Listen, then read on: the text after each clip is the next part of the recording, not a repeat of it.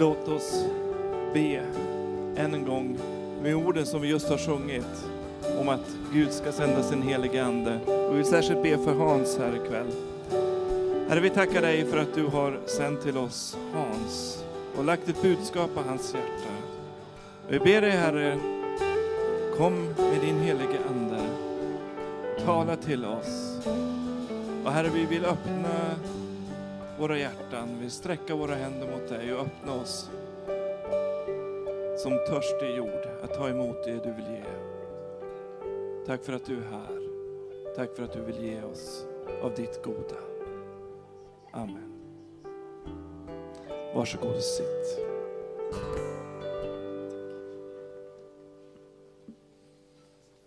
Ja, vi har eh, det här temat för den här veckan, en kyrka för alla folk och generationer. Och vi har eh, tittat på det här utifrån lite olika aspekter och ikväll så tänker jag ha precis det temat som tema för min predikan, en kyrka för alla folk och generationer.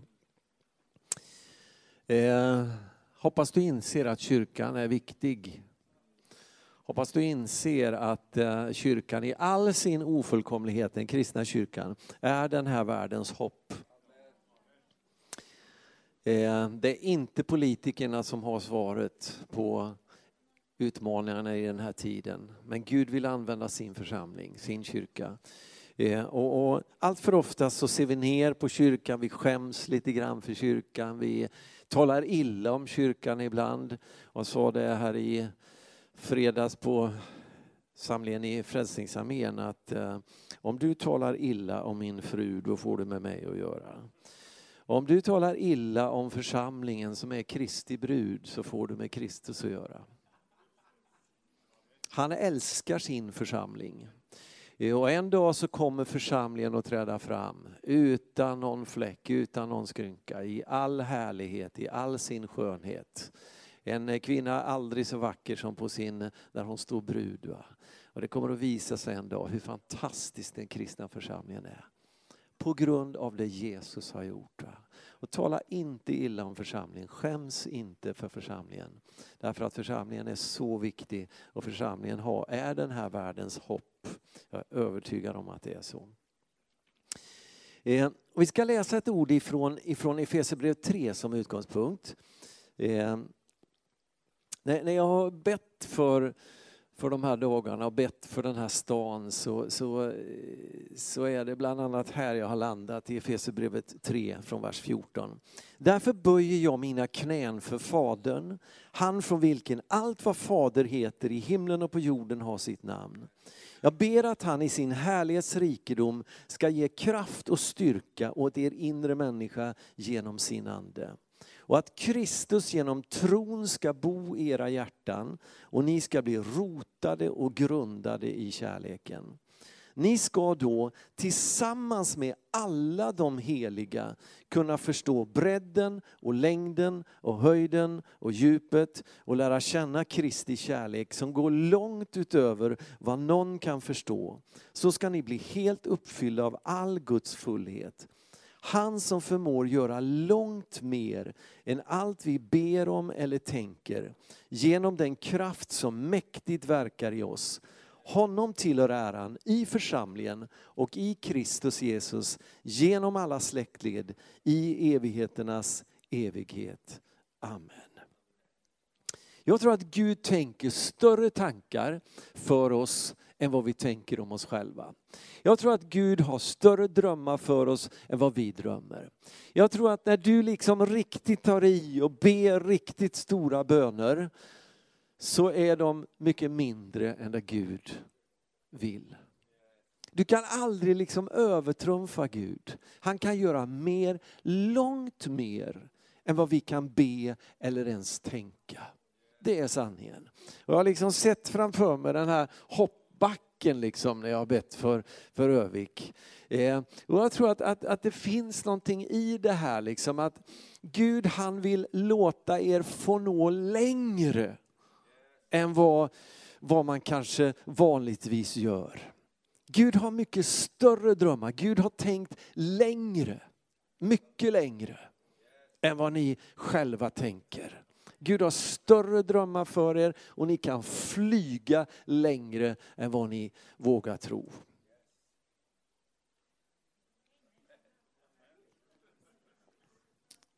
Ja. Det vore ju trevligt. Men så tror jag att det är. Eh, Gud vill ha en kyrka för alla folk och generationer. Och det är också vad vi ska sträcka oss emot och verka för. Eh, I vår församling har vi gjort så här, vi, vi har årsmötet i församlingen den första lördagen i mars varje år. Vi har mycket ekonomi och så som ska, ska fixas och bokföringar och bokslut som ska göras så därför har vi inte årsmötet förrän i början på mars. Och då är det ju för sent liksom att ge ett anslag för året så den sista söndagen i januari varje år då har vi det som vi kallar för årets viktigaste gudstjänst. Då har vi våran visionsgudstjänst. Det har vi alltså nästa söndag, så det håller jag på att ladda för nu riktigt ordentligt. Eh, och det, det, kallar vi för årets viktigaste gudstjänst. Då predikar vi utifrån vår vision i församlingen. vår vision är att vi vill vara en församling som växer i kärlek till Gud, till varandra och till världen. Det är vad vi vill vara. En församling som växer, det vill säga vi är inte färdiga, vi är inte framme, vi kan nå längre, vi, kan, vi behöver mogna, vi behöver växa och vi behöver växa på många områden. Men framförallt så vill vi växa i kärlek. Till Gud, till varandra och till världen. Och det tror vi är allt som det egentligen handlar om. Vi vill växa i vår kärleksrelation till Gud. Vi vill växa i vår kärlek till varann som kristna, som syskon. Och vi vill växa i kärlek till de människor som ännu inte känner Jesus. Det är visionen och den predikar vi i visionsgudstjänsten. Men sen så har vi också, vi jobbar varje år fram ett motto. Ber och söker Gud, vad är det här årets motto? Vad är inriktningen för det här året? Och så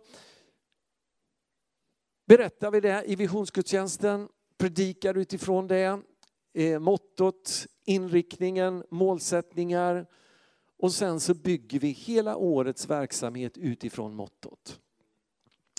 År 2014 så var vårt motto genombrott 2014. Under en period av 15 månader så såg vi församlingen växa från 596 medlemmar till en bit över 700. Det är inget speciellt märkvärdigt i ett internationellt perspektiv, men i ett svenskt perspektiv så är det en bra växt. Det går att växa i Sverige. Det går att få se andliga genombrott i Sverige också. Eh, och i, visionsgudstjänsten det året så predikade jag om det största genombrott som någonsin har hänt i världshistorien. Vilket var det? Jo, det var när Jesus Kristus utropar på korset precis innan han dör, det är fullbordat. Han säger tetelestai. Det är fullbordat, det är färdigt, det är klart. Då hände någonting. Då brast förlåten i templet. Och vägen öppnades ända in i det allra heligaste. Det är det största genombrott som någonsin har hänt i historien. Du vet i templet så var det ju så här, det fanns, det, det, det fanns förgårdarna och så fanns det det heliga och så fanns det det allra heligaste. Och mellan det heliga och det allra heligaste så hängde ett tungt dubbelt eh, förhänge, förlåten. Den där var väldigt tung. Man sa att om, om man någon gång skulle behöva ta ner det där förhänget så sa man att det skulle behövas 3000 präster för att hjälpa till. Och teologen Anders Sjöberg han har sagt att det hängde över en tvärbjälke. Om man då tänker sig, vi tänker vanligtvis så här att när förlåten brast så brast den så här. va. Så det blev en liten glipa, en liten öppning in. Men Anders Sjöberg han säger så här, om förlåten brast på mitten och den är vikt över en, en, en bjälke. Så om det brister på mitten, då faller alltihop ner. Det blir inte en tygtrasa kvar. Utan vägen är fullständigt fri. in i det allra heligaste. Tidigare så var det bara översteprästen som en gång om året fick gå in och för att frambära offret för folkets synder. En gång om året fick han gå in i det allra heligaste. Men när Jesus dör på korset, då öppnas vägen in i det allra heligaste. Helt plötsligt så finns det ingenting som skiljer det heliga och det allra heligaste åt. Utan plötsligt så är vägen öppen för var och en som vill tro. Och det är vad Hebreerbrevet säger, att Jesus har öppnat en väg. Där vi frimodigt kan, kan gå in. Bestrukna med Jesu Kristi blod. Jesus öppnade vägen in till gemenskapen med Gud Fadern. Och det var inte längre bara översteprästen utan vem som helst hade tillgång till Gud Fadern, kunde komma in i Faderns gemenskap på grund av det Jesus Kristus hade gjort. Det är det största genombrott som någonsin har inträffat i historien. Helt plötsligt så var vägen öppen inte bara för översteprästen, inte bara för det judiska folket, utan faktiskt för alla folk. För var och en som vill tro på Jesus Kristus. Och när vi, när vi skulle ha, ha den här gudstjänsten då, och jag skulle ha den här predikan, så tänkte jag, hur illustrerar vi det här så att det blir riktigt effektfullt? Så då satte vi upp en, en, en backdrop, en stor tung backdrop längst bak på estraden. Och så fäste vi den där sondan med, med magneter. Så att jag fixade så teknikerna, de satte upp den där backdropen och den var fäst med magneter. Så att när jag säger så här att Jesus han böjde ner huvudet och utropade det är fullbordat. Då brast förlåten och då släpper de backdropen så den faller, hela skynket faller ner. Och så har de mickat upp med mikrofoner under estraden så att den riktigt skulle höras. Hur tungt det här föll ner till marken. Och så samtidigt som det sker så lägger de fullt ljus på korset som hängde på, på estraden precis framför för backdropen. Så att det var precis som att det bara det, det, det glödde korset. Och det var så effektfullt. Men den effekten var ingenting i jämförelse med effekten av när Jesus Kristus dör på korset och hela förlåten faller ner och vägen öppnas rakt in i Faderns närhet. Jesus dog för att vi alla ska kunna komma till Gud. Han vill ha en kyrka för alla folk och alla generationer. Och på grund av det som Jesus gjorde så har alla folkslag samma tillträde till Fadern. I Galaterbrevet så läser vi så här från det, det, det tredje kapitlet, från vers 26. Alla är ni Guds barn genom tron på Kristus Jesus. Alla ni som har blivit döpta till Kristus har blivit iklädda Kristus. Här är inte jude eller grek, slav eller fri, man och kvinna. Alla är ni ett i Kristus Jesus. Om ni nu tillhör honom är ni Abrahams avkomlingar, arvingar enligt löftet.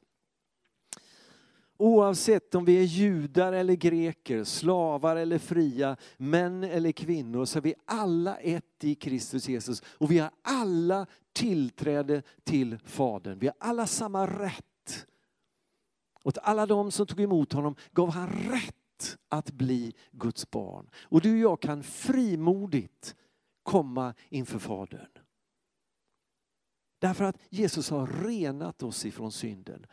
Och bestrukna med hans blod, renade i hans blod så kan vi frimodigt komma inför Fadern. Oavsett vilket folkslag vi tillhör eller representerar. Och du vet att enligt Uppenbarelseboken, det femte kapitlet och vers 9, så står det så här. Att, och när det tog bokrullen föll de fyra väsena och de 24 äldste ner inför lammet. De hade var och en, nej det var inte den versen jag skulle läsa, nu ska vi se här. Eh, vers 9. Och de sjöng en ny sång. Du är värdig att ta bokrullen och bryta dess sigill. Ty du har blivit slaktad och med ditt blod har du åt Gud köpt människor av alla stammar och språk, folk och folkslag. Himlen kommer att ha en representation av alla etniska folkgrupper. Gud älskar alla folkslag och språk och vill bli, vill bli prisad av alla etniska folkgrupper. Och vår önskan borde ju vara att våra kyrkor var ett förebud om himlen. Min önskan är att vår församling ska få ha så många nationaliteter representerade som möjligt. Vi är fortfarande alldeles för mycket svenska i, i, i vår församling. Vi, vi är, finns i ett, ett område där det finns väldigt många nysvenskar. Vi borde ha minst lika hög procentandel nysvenskar i vår församling som finns i området. Och vi sträcker oss efter det, vi ber om det, vi vill få fler människor, fler nationaliteter representerade i vår församling. För Herren vill tillbes av alla folk och alla folkslag. Och har du svårt med det så kommer du få problem i himlen. Jesus säger att, att mitt hus ska vara ett bönhus för alla folk, alla folkslag. Jesus såg längre än bara till det judiska folket. Vi ska vara så tacksamma för det judiska folket. Det är roten, där finns och vi är inympade i det trädet. Så att det, det, det ska vi ha, vara, vara tacksamma för. Va? Men, men Jesus såg längre. Han såg att, att Herren ville ha ett bönens hus för alla folk. Det skulle vara ett bönens hus för alla folk, alla folkslag. Från början trodde ju de kristna att, att det bara var judarna som skulle nås. Men när Petrus en dag befann sig i bön så fick han se en syn som gjorde det klart för honom att Gud tänkte större än vad han gjorde. Och Gud förklarar för honom att det jag förklarat för rent, det ska du inte du kalla för orent. Judarna såg ju hedningarna, de hedna folken som orena. Och Herren säger, det jag förklarat för rent ska du inte hålla för orent. Och så är det en fantastisk story där i Apostlagärningarna om hur samtidigt som Petrus får den synen och den uppenbarelsen så är det sån timing i det Gud gör. Va? Så att precis när han har haft den här synen så knackar det på dörren och så står det ett gäng utsända från, från Cornelius som, som kallar på Petrus, som vill höra evangeliet. Hedningar.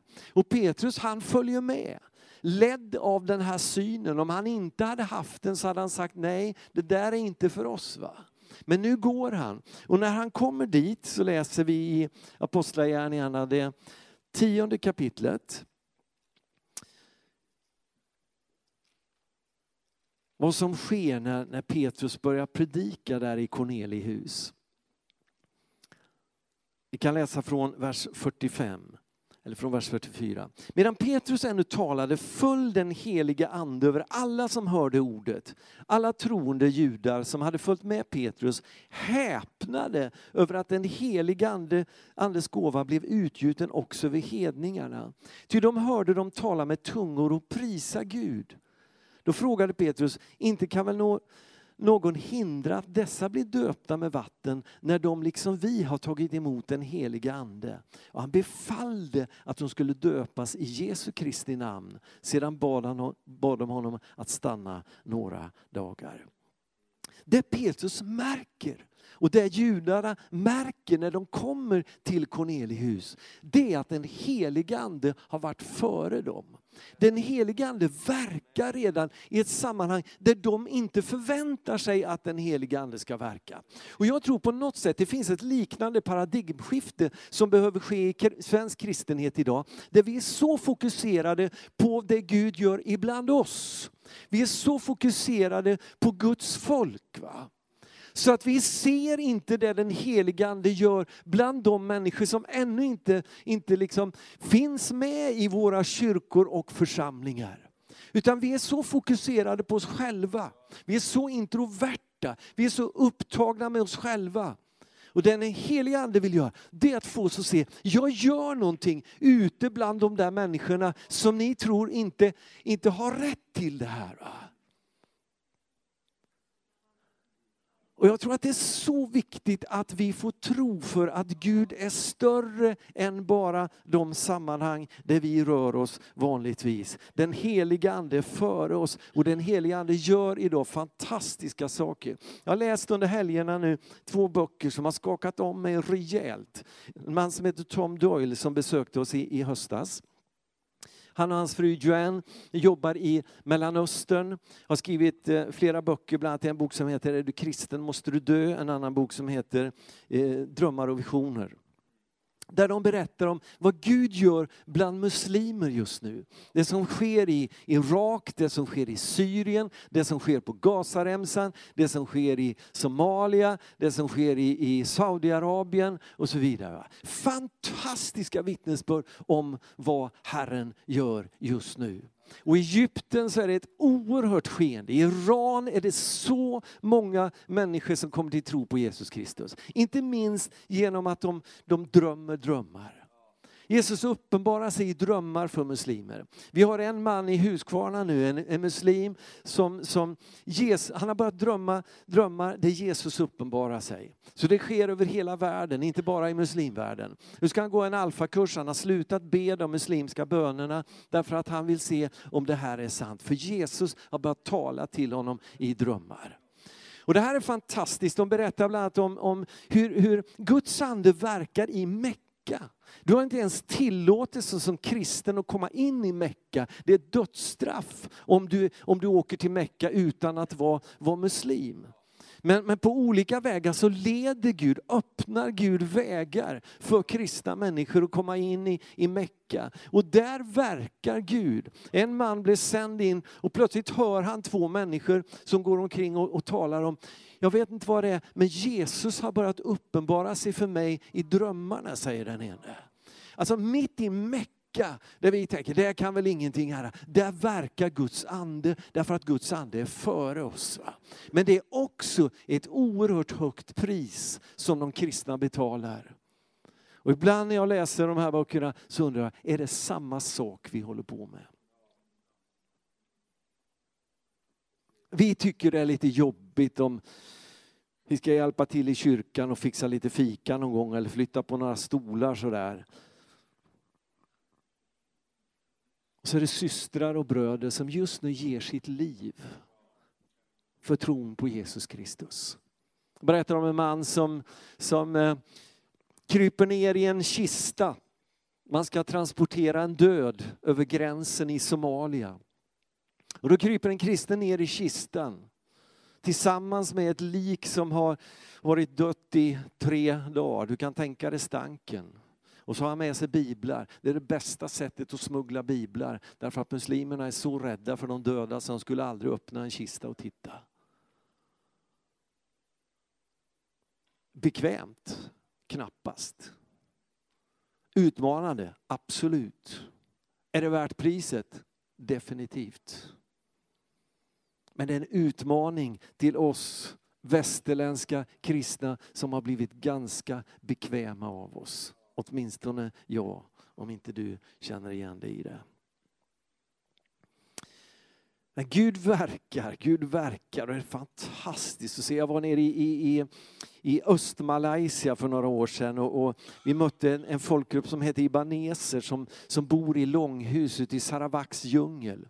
Eh, frågade en av dem hur han hade tagit sig till det här böneberget som vi var på, som en kinesisk församling hade precis i utkanten av, av djungeln där. Jo, sa han, först så sprang jag en dag genom djungeln tills jag kom till min farbrors hus och sov över natten där. Och sen så gick jag en dag genom djungeln tillsammans med min farbror tills vi kom till vägen och sen tog vi bussen.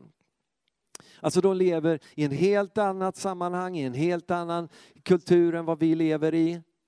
Men när de berättade om vad den heliga Ande hade gjort ibland det här folket som hade varit huvudskallejägare till väldigt långt fram i historien. Vad Guds ande hade gjort, inte minst under 80-talet där det var en våldsam andeutgjutelse ute i Sarawaks djungel. Då, då bara baxnar man liksom över deras berättelser om vad den heliga Ande gör.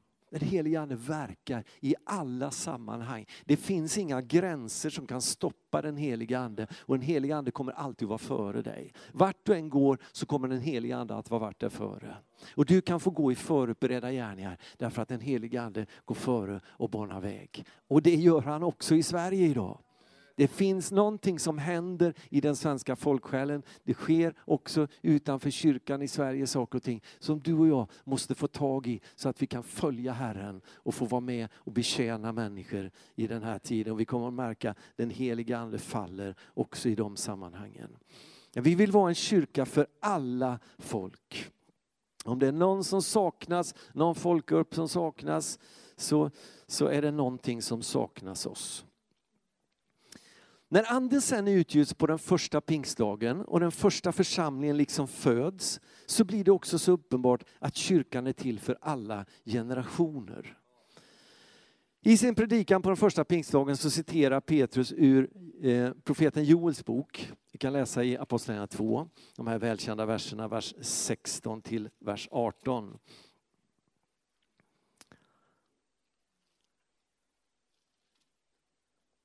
Nej, detta är det som är sagt genom profeten Joel. Och det ska ske i de sista dagarna, säger Gud. Jag ska utgjuta av min ande över allt kött. Era söner och era döttrar ska profetera. Era unga män ska se syner och era gamla män ska ha drömmar. Ja, över mina tjänare och tjänarinnor ska jag i de dagarna utgjuta av min ande och de ska profetera.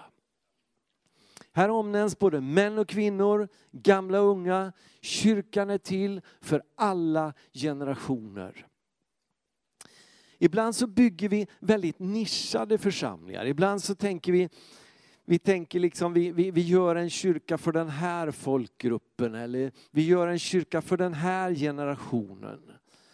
Eh, och jag tror inte riktigt på det. Om du tror på det så gör det. Va? Men jag tror inte riktigt på det. Jag vill, jag vill vara med och bygga en kyrka för, för alla folk och alla generationer. Jag tror att det finns en poäng i det. Jag tror att det, det, det, det är bara så som vi kan vara ett förebud om, om himlen och det som kommer att, att vara där. Va? Eh, och kyrkan är ju ett av de få ställen i samhället idag där vi möts över generationsgränser. Och jag tror att vi ska vara rädda om det där. Eh, och jag tror att det är så här att när, när en ny människa söker sig till kyrkan så det första, den första frågan man ställer sig oavsett vem det är som kommer till kyrkan det Finns det någon sån som mig här? Tonåringar kommer att titta, finns det några tonåringar här? Barnfamiljer kommer att titta, finns det några andra barnfamiljer här? Knuttar kommer att titta, finns det några andra knuttar här? Och så vidare, och så vidare. De som har en annan hudfärg än vad vi har kommer att titta, finns det några andra sådana som mig här? Därför är det bra om det finns en så stor variation i församlingen som möjligt.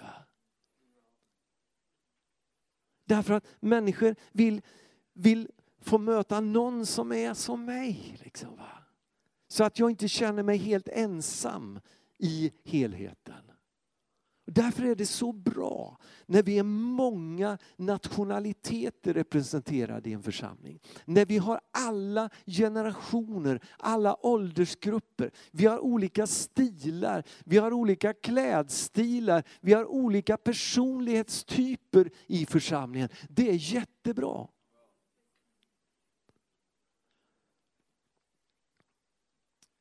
Och låt mig få, få ge några råd när det gäller församlingen och de olika generationerna. Sen ska jag sluta. Skulle vilja säga så här, för det första, satsa på barnen i församlingen. Jesus har ju gett oss ett tydligt exempel. När lärjungarna försöker visa bort barnen så säger han, låt barnen komma till mig och hindra dem inte, till Guds rike tillhör sådana som dem. I ett samhälle där barnen inte alltid fick uppmärksamheten så markerade Jesus tydligt att barn är viktiga och att vi behöver se dem och ge dem utrymme. Och som lärjungar till Jesus så behöver vi följa hans fotspår, eller hur? Och jag, jag tror att den kyrka som ska ha en framtid måste satsa på barnen. Jag brukar säga så här, vi ska bygga en McDonalds-kyrka, en McDonalds-församling. Och det låter ju lite ytligt kanske, men hur, vad menar jag med det? Jo, jag menar så här, McDonalds de har lyckats att göra ett koncept som är bra för barnen och tack vare det får de hela familjen. Vart gick vi och käkade när våra barn var, var, var, små? Jo, vi gick till McDonalds. Inte därför att de hade den bästa maten, men därför att ungarna ville dit. Den kyrka som skapar en kyrka dit barnen vill gå kommer att få hela barnfamiljen. Oavsett om pastorn i församlingen serverar de bästa hamburgarna eller inte i sina predikningar. Man kommer att gå dit barnen vill gå. Så är det.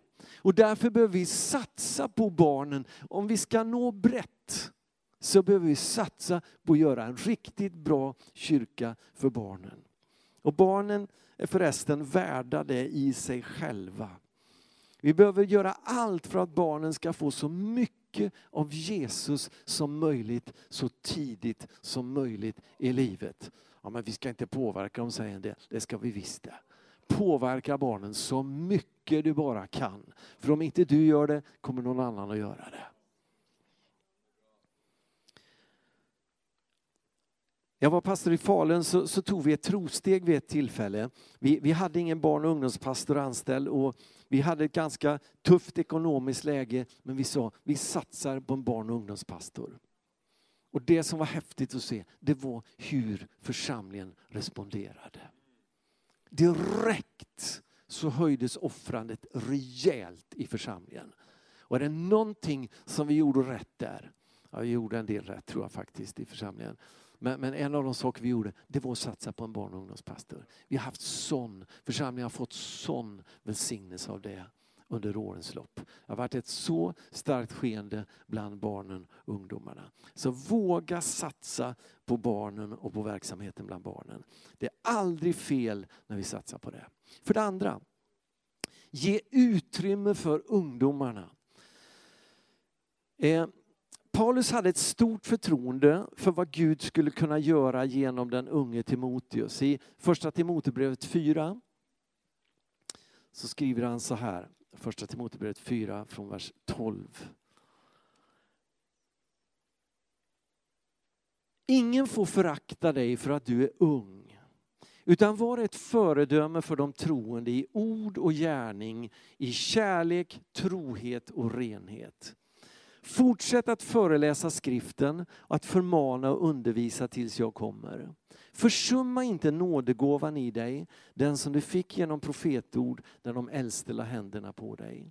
Tänk på detta och lev i detta så att alla kan se dina framsteg. Ge akt på dig själv och på din undervisning och håll troget ut med den. När du gör det frälser du både dig själv och de som lyssnar på dig. Paulus tror att Timoteus ska kunna få vara ett verkligt föredöme för alla de troende. Vi behöver som församling tro på vad Gud kan göra genom de unga, i de unga och genom de unga. Men vi behöver också utmana dem till att leva med Guds ord. Han talar om det också i det här sammanhanget. Och lite längre fram så säger han att, att varje bok i skriften är inspirerad av Gud och till nytta när man undervisar, vederlägger, vägleder och fostrar till ett rättfärdigt liv. Så att den som tillhör Gud blir fri från sina brister och rustad för alla slags goda gärningar. Vi ska ge Guds ord till ungdomarna. Vi ska ge, de behöver få möta både det skrivna ordet och det levande ordet. Jesus Kristus. Va? Men vi behöver tro på ungdomarna. Och du vet, det är inte så noga hur de beter sig och ser ut och sådär, va? utan det kan vi stå ut med. När jag nyligen var i Borås och predikade så, så sa pastorn till mig i Korsvika, jag var ungdomspastor under tre år där för många, många år sedan. Och så sa han så här, du sa han, de som var ungdomar när du var här, det är de som är kärnan i församlingen nu. Det är de som bär upp den här församlingen. Det såg man kanske inte då. Men idag är det tydligt. Va? Våga tro på de unga. Våga, våga ge dem utrymme. Du vet, om, om man har haft tonåringar så vet man ju att tonåringar de, de behöver mycket utrymme. De tar plats. Och frågan är, är vi beredda att ge dem det? Och nu ska jag säga någonting som är ytterst kontroversiellt. Så jag varnar dig och håll för öronen. Du kommer säkert inte hålla med mig om det här. Men jag varnar dig på förhand så att du har chansen att slippa lyssna på detta hemska som jag kommer att säga nu. Och låt mig säga det, du behöver inte hålla med mig. Om du nu lyssnar så behöver du inte hålla med mig. Men jag tror så här. Min filosofi när det gäller att bygga församling, den är så här. Att jag tror att vi måste bygga församlingen på ett sånt sätt så att de unga måste få påverka mer än de äldre. De nya måste få påverka mer än de som har varit med länge. Du behöver inte alls hålla med mig, men jag tror att det är så. Varför det? Är det därför att ungdomar är mer värda än oss äldre, får jag säga nu? Nej, absolut inte. Gud älskar alla generationer lika mycket. Gud älskar alla generationer. Är det så att de nya är mer värda än de som har varit med länge? Absolut inte. Varför ska de påverka mer då? Jo, så är det i livet. När jag och Karin fick barn så kunde vi ha sagt så här. Nu förstår ni barn, nu är det så att mor och jag har byggt upp det här hemmet. Det är vi som har satsat ekonomiskt för att det här skulle bli en verklighet. Och nu har ni kommit in här och nu hoppas vi att ni anpassar er till hur vi brukar göra i vårt hem. Det är så att vi brukar äta på de här tiderna och vi brukar sova på de här tiderna. Och vi brukar äta de här maträtterna och vi hoppas nu att ni anpassar er och äter det vi brukar äta och sover när vi brukar sova och käkar när vi brukar käka.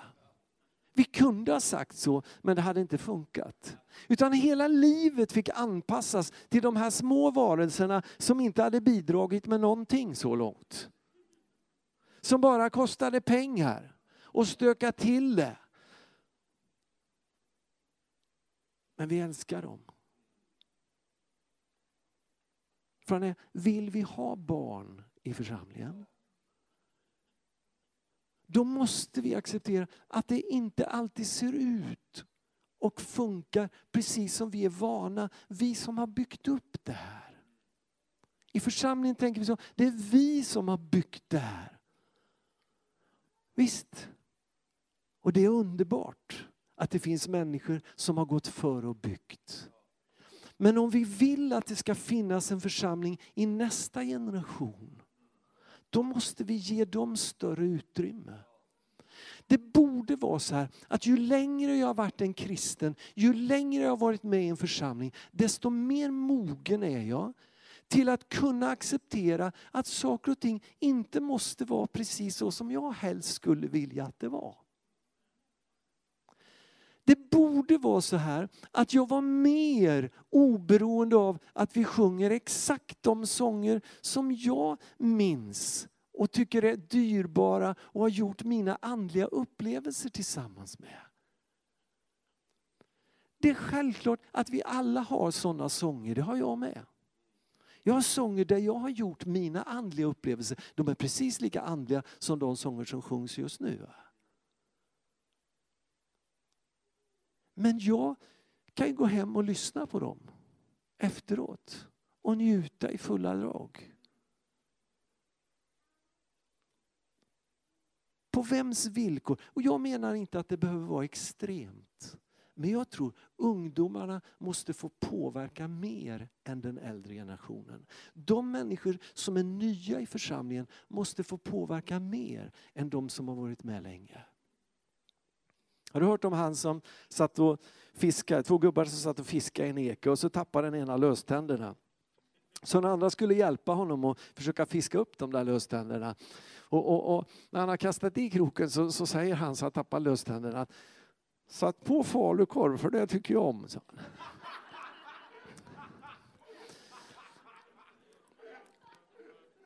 Du vet, man sätter på kroken det som fisken vill ha. Och då är inte frågan om vi vill få fisk i församlingen. Så handlar det ju inte om vad tycker jag om. Det handlar ju om vad hugger fisken på. Jag varnade innan, så om du har lyssnat nu så får du skylla dig själv. Men du behöver inte hålla med mig. Du behöver absolut inte hålla med mig. Men jag tror att församlingen måste byggas mer på de nyas villkor än de, de, de som har varit med länge. Mer på de ungas villkor än de, de äldre. Och det får jag ju käka upp själv. Inte falukorven utan det jag säger.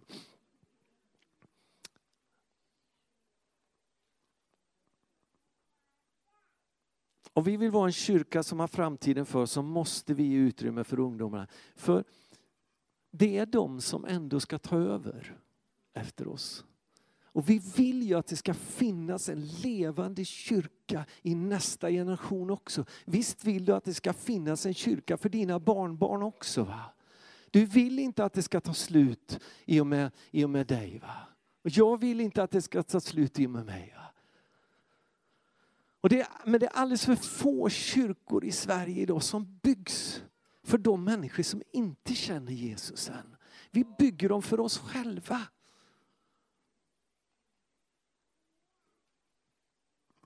Petrus trodde det var bara judarna vi skulle nå. Men Gud sa, jag rör mig utanför sammanhangen. Bygg en kyrka för de som ännu inte känner Jesus. Bygg en kyrka för den unga generationen. Vi ska vara med allihop, men mer på deras villkor. Är du med? Jag tror inte det ska vara, behöver vara extremt, men mer på deras villkor. Du behöver inte hålla med mig. För det tredje. Utmana medelåldern. I våra kyrkor har vi vanligtvis aktiviteter för barn, för ungdomar, för unga vuxna och för pensionärer. Men när adresserar vi de människor som är mitt i livet? Det är en jättemiss. En oerhörd brist i våra församlingar. Det är en grupp som förväntas att bära upp mycket av verksamheten i kyrkan men samtidigt är det en oerhört upptagen grupp där mångas andliga liv drunknar i karriären, i materialismen och i cynismen. Men den här gruppen behöver utmanas att fortsätta gå med Gud. Att se att Gud vill använda dem. Och när du liksom börjar komma i mitten av livet och lite över det, så är det inte dags att dra dig tillbaks för att bara spela golf. Utan då ska du vara i funktion i Guds rike. Jag har skrivit en bok som, som heter Inför livets andra halvlek. Att göra det bästa av resten av ditt liv. Eh, finns där nere om du vill köpa den sen också.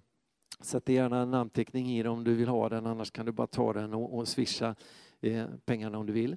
Eh, jag tror att det här är en grupp som behöver adresseras. Jag är övertygad om att det är så, därför att det är i andra halvlek som livet avgörs. Det är inte i första halvleken som en match avgörs, det är i andra halvlek. Första halvleken är jätteviktig, men det är i andra halvlek som, som, som matchen avgörs. Så är det i ditt liv också. Du kan ha gått starkt med Gud under första delen av ditt liv, men frågan är hur det ska sluta.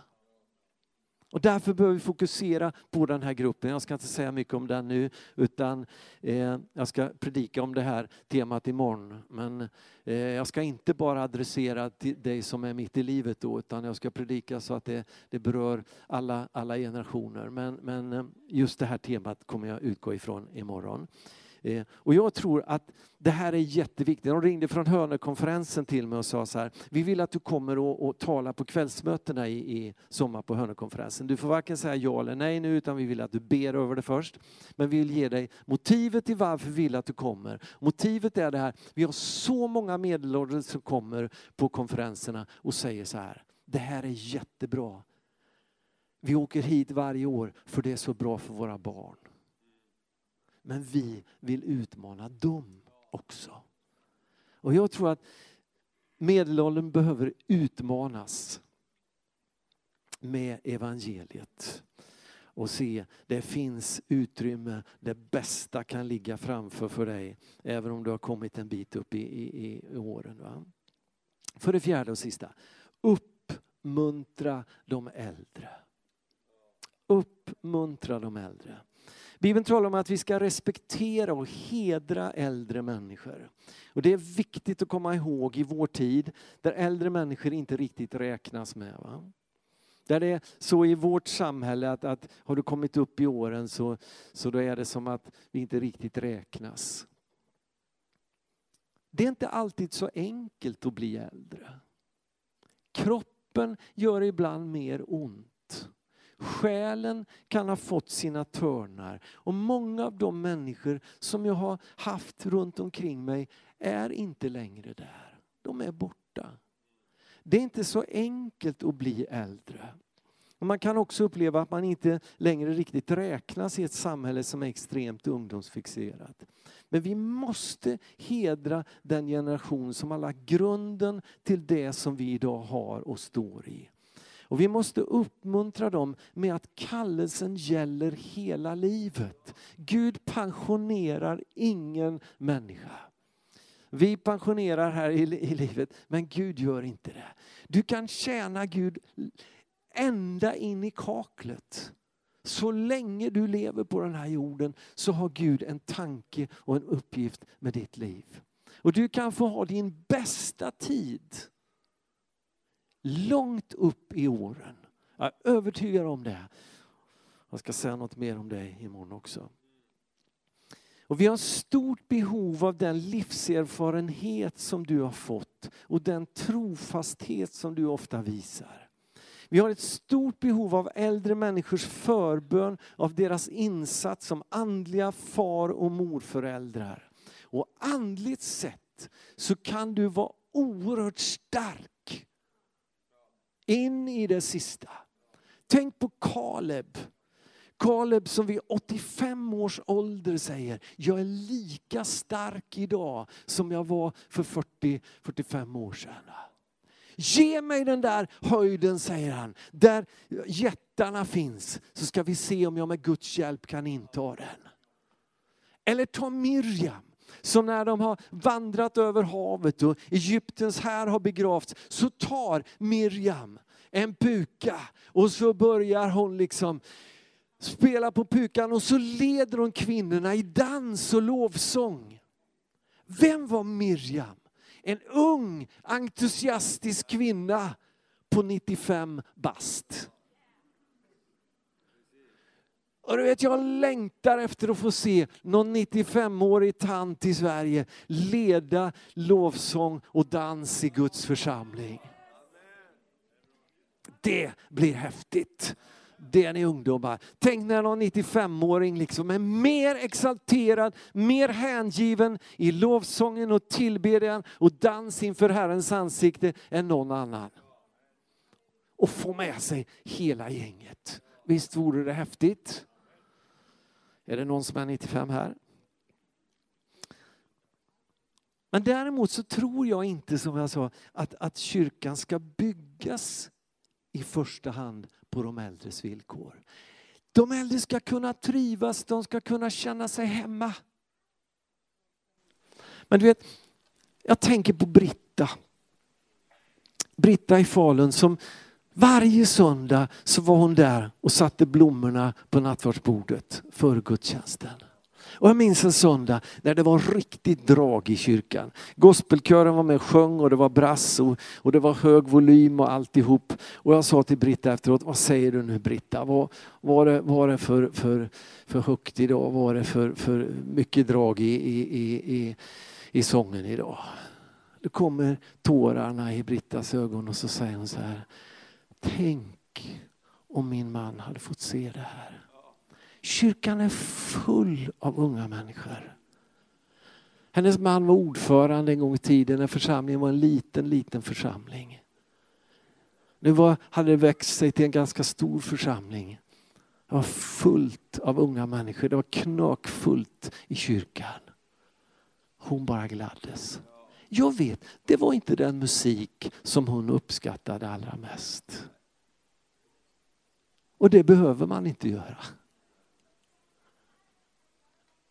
Men hon älskade det hon såg.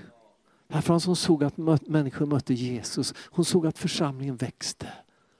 Hon såg att nästa generation fanns med där. Hon bara gladdes. Du, jag har sett att det finns så många äldre människor som är hjältarna i Guds rike. Jag brukar säga det i Falun och jag säger det i Huskvarna också. Hjältarna, det är de äldre. Många av dem är så tålmodiga. De står ut med så mycket. Men de finns där. De stöttar. Och de är beredda att gå före. Jag tänker på Erik när vi skulle köpa ett nytt mixerbord liksom, va? Till kyrkan. Och säger någon hade förslag och säger äh, det var två olika mixerbord. Ett var lite dyrare än det andra. En del tyckte vi skulle inte satsa riktigt så mycket pengar och säger Erik, vi satsar på det, det dyrare mixerbordet så det hörs ordentligt. Det är bra. Det är bra. Det är så lätt. Det är lätt att man blir bitter. Det är lätt att man blir besviken. Det är lätt att man blir den där som, som inte kan glädjas över det som sker. Men du, Gud kan möta dig. Gud kan möta dig så att du kan välsigna det som sker och själv få bli till välsignelse. Det behöver inte dra i handbromsen och parkera i livet för att du har kommit upp i åren. Du kan gasa hela vägen in i mål. Men vi behöver uppmuntra de äldre till att det finns ett rikt liv också på ålderns höst. Och vi är så glada i Huskvarna. Vi har byggt ett trygghetsboende precis. Det har blivit så fint. Vet du. 42 lägenheter för människor 70 plus, 260-270 kvadrat gemensamhetsutrymmen. Ingen behöver sitta ensam i sin lägenhet. Det finns gym, man kan träna tillsammans, man kan eh, ha bibelstudier tillsammans, man kan lyssna på kristen musik tillsammans och då kan de välja vilka sånger de gillar. Och de får göra det och det är bra. Och när de gymmar och när de tränar så, så gör de det till gamla läsarsånger. Och så sitter de och sjunger med och så lyfter de hantlar och tränar. Det är fantastiskt och det är en sån underbar miljö. Och så finns det med människor där som inte känner Jesus än. Som ska få lära känna Jesus. Och vi tror att det där ska vara ett bönens hus. Ett riktigt bönens hus. Så jag tror vi ska bygga en församling där alla generationer kan få trivas. Men, men, men vi kan inte göra allt på allas villkor.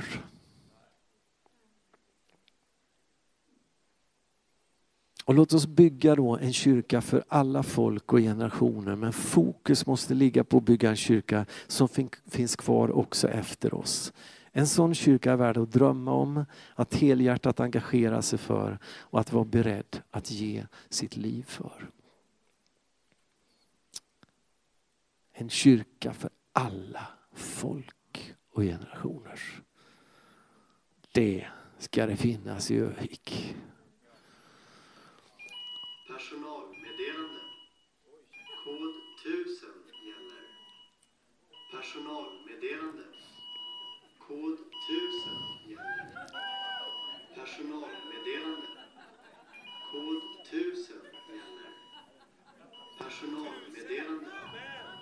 Kod 1000 Kod 1000.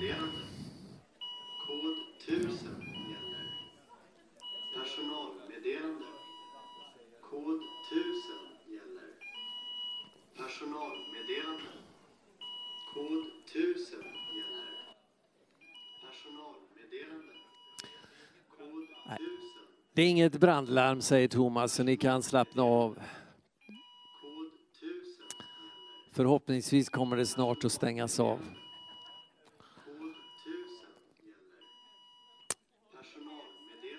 Undrar vad det är, kod 1000 det, det kanske är tusen nya medlemmar.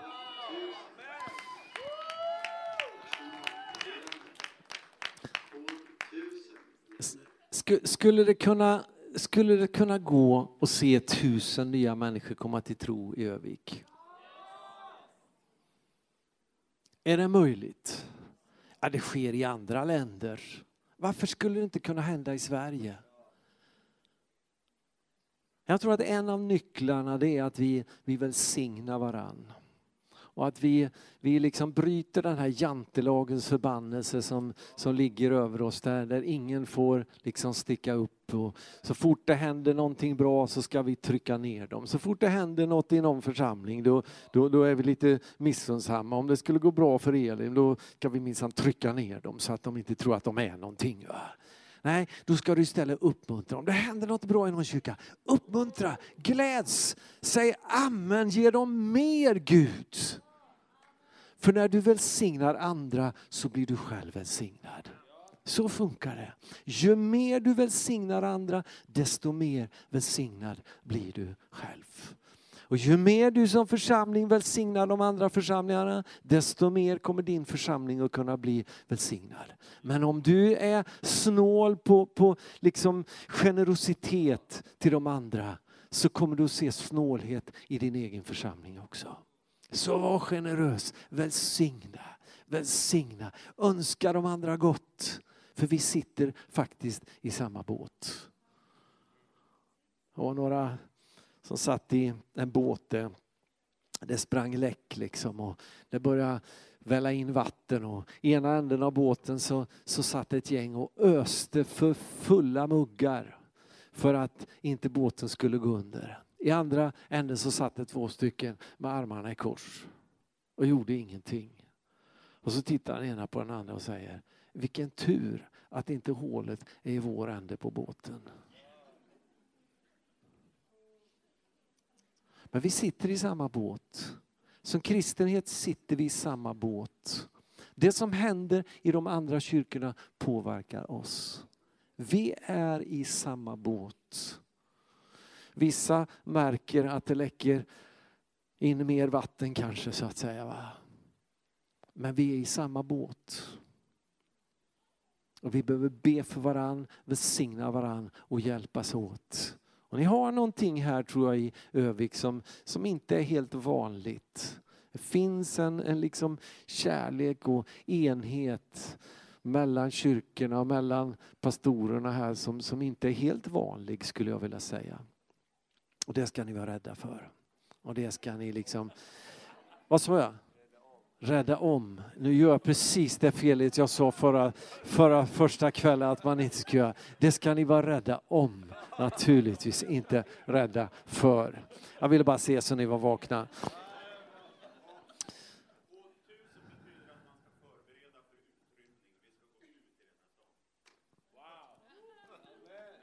Det är bra. Det var en tydlig signal. Vi ska ut. Gå ut och göra alla folk till lärjungar. Ska vi be tillsammans? Ska vi, ska vi stå upp?